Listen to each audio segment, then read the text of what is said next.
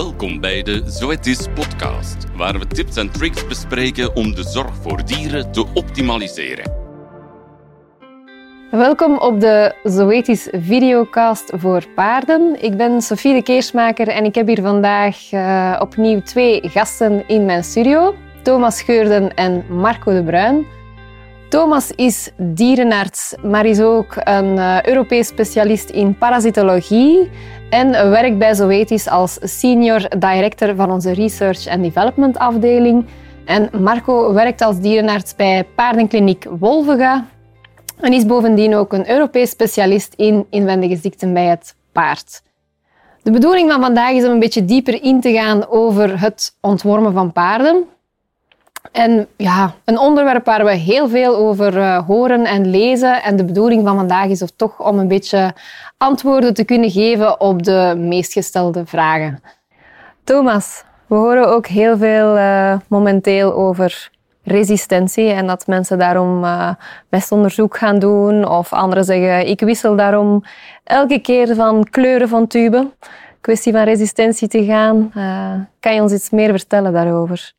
Ja, zeker. Uh, ik denk resistentie uh, is gewoon een realiteit. Uh, van zodra dat mensen ontwormingsproducten gaan gebruiken, zal er een bepaald punt zijn dat de resistentie ontwikkelt. Dat is het basisprincipe. Ehm, de snelheid waarmee, waarmee dat gebeurt hangt af van heel veel factoren, onder andere uw behandelingsfrequentie, maar bijvoorbeeld ook het management die je al dan niet doet rond uw, rond uw behandeling. Um, als we specifiek kijken naar, uh, naar de situatie bij paarden in Europa, uh, zien we dat um, naar gelang de, de verschillende productklasses, dat er uh, wel bepaalde resistenties zijn. En dat is verschillend voor elke worm. de spoelworm bijvoorbeeld heeft... Daar is resistentie zeker beschreven voor ivermectine en vrij wijd verspreid, terwijl dat bijvoorbeeld die fenbendazole uh, producten die werken dan wel nog, nog goed.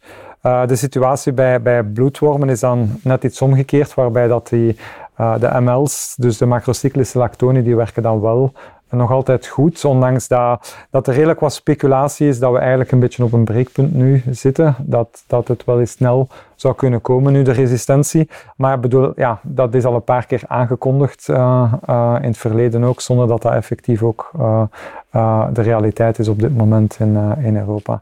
Dus ja, zeker een probleem. ik weet niet, Mark, of dat jij in, in de praktijk veel gevallen ziet van resistentie. Ja, ik, ik, ik, denk dat we uh, al een poosje geleden in de situatie zijn beland waarbij uh, ik dan zeg van ja, iedere parasiet heeft zijn eigen middelen nodig.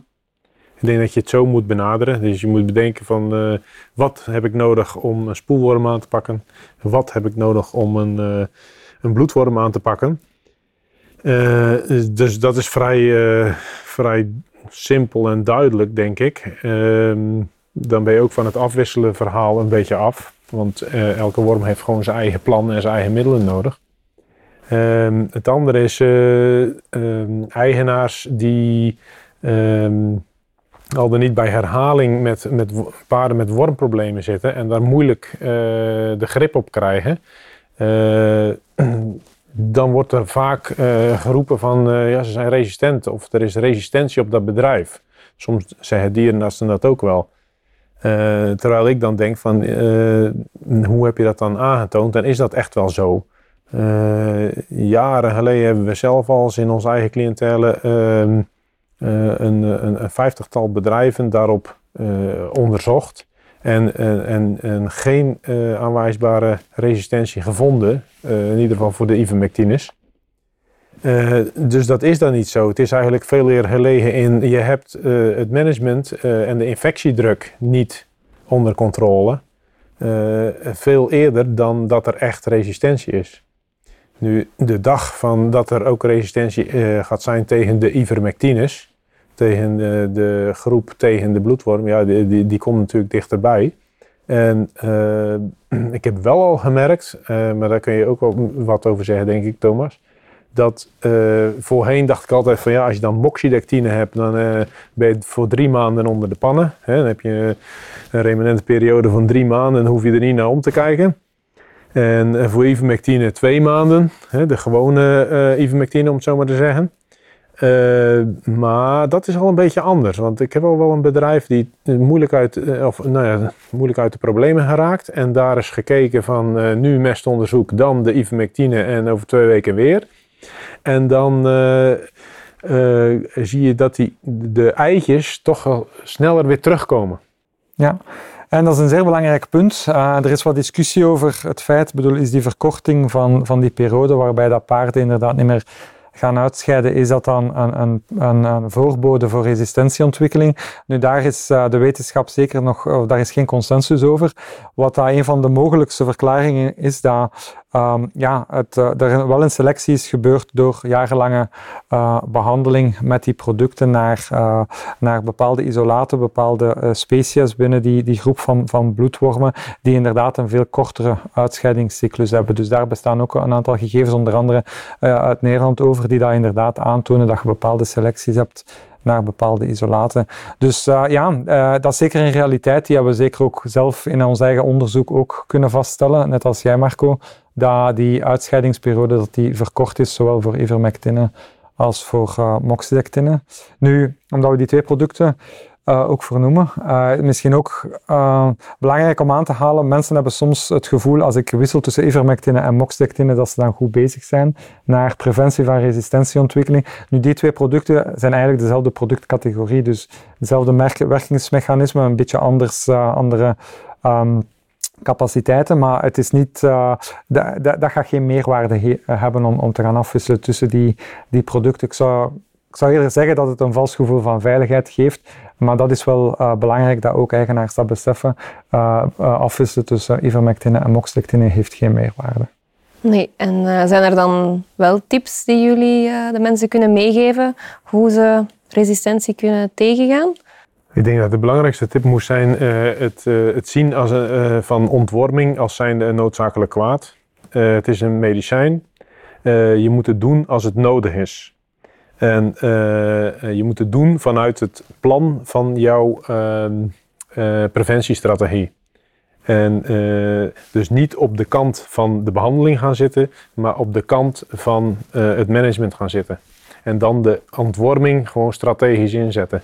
Dus je moet meer aan je wij gaan denken en aan het meten van hoe zit het met mijn infectiedruk. eerder dan van wanneer ga ik weer een spuit geven.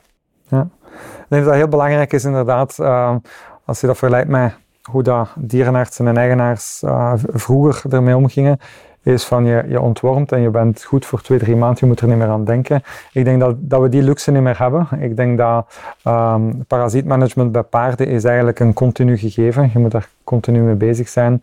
Uh, bedoel, is het weer um, in die zin uh, veranderd over de laatste twee maanden, zodanig dat ik verwacht dat ik meer wormen ga hebben op de wei, bijvoorbeeld. Dan moet je ook gaan aanpassen of gaan nadenken van, van wat moet ik eraan doen? Wat zijn bij mij mogelijkste problemen in, in mijn mijn situatie op het, op het bedrijf of op mijn weide. Dus ja, volledig akkoord met Marco. Het is een planning een duidelijk plan opstellen, uh, flexibiliteit hebben om eventueel dat plan bij te sturen waar nodig. En dan uiteraard, ontworming is een van de, van de middelen die je hebt om dat plan waar te maken. Dus ik denk dat je het meer zo moet zien dan te focussen op ontworming alleen. Ik denk dat dat vrij duidelijk is, hè, dat we echt moeten gaan voor een, uh, een plan van aanpak waarbij ontworming één deel is, maar dan uh, inderdaad management, mestonderzoek ook mee deel uitmaken van het plan om ervoor te zorgen dat we die resistentie zoveel mogelijk tegengaan. Ja. Dan denk ik dat ik jullie opnieuw kan bedanken voor een, een boeiend gesprek. Uh, en indien jullie nog meer willen weten over ontworming van paarden, neem dan zeker een kijkje op de website van Zoetis of op ons Zoetis Spotify kanaal.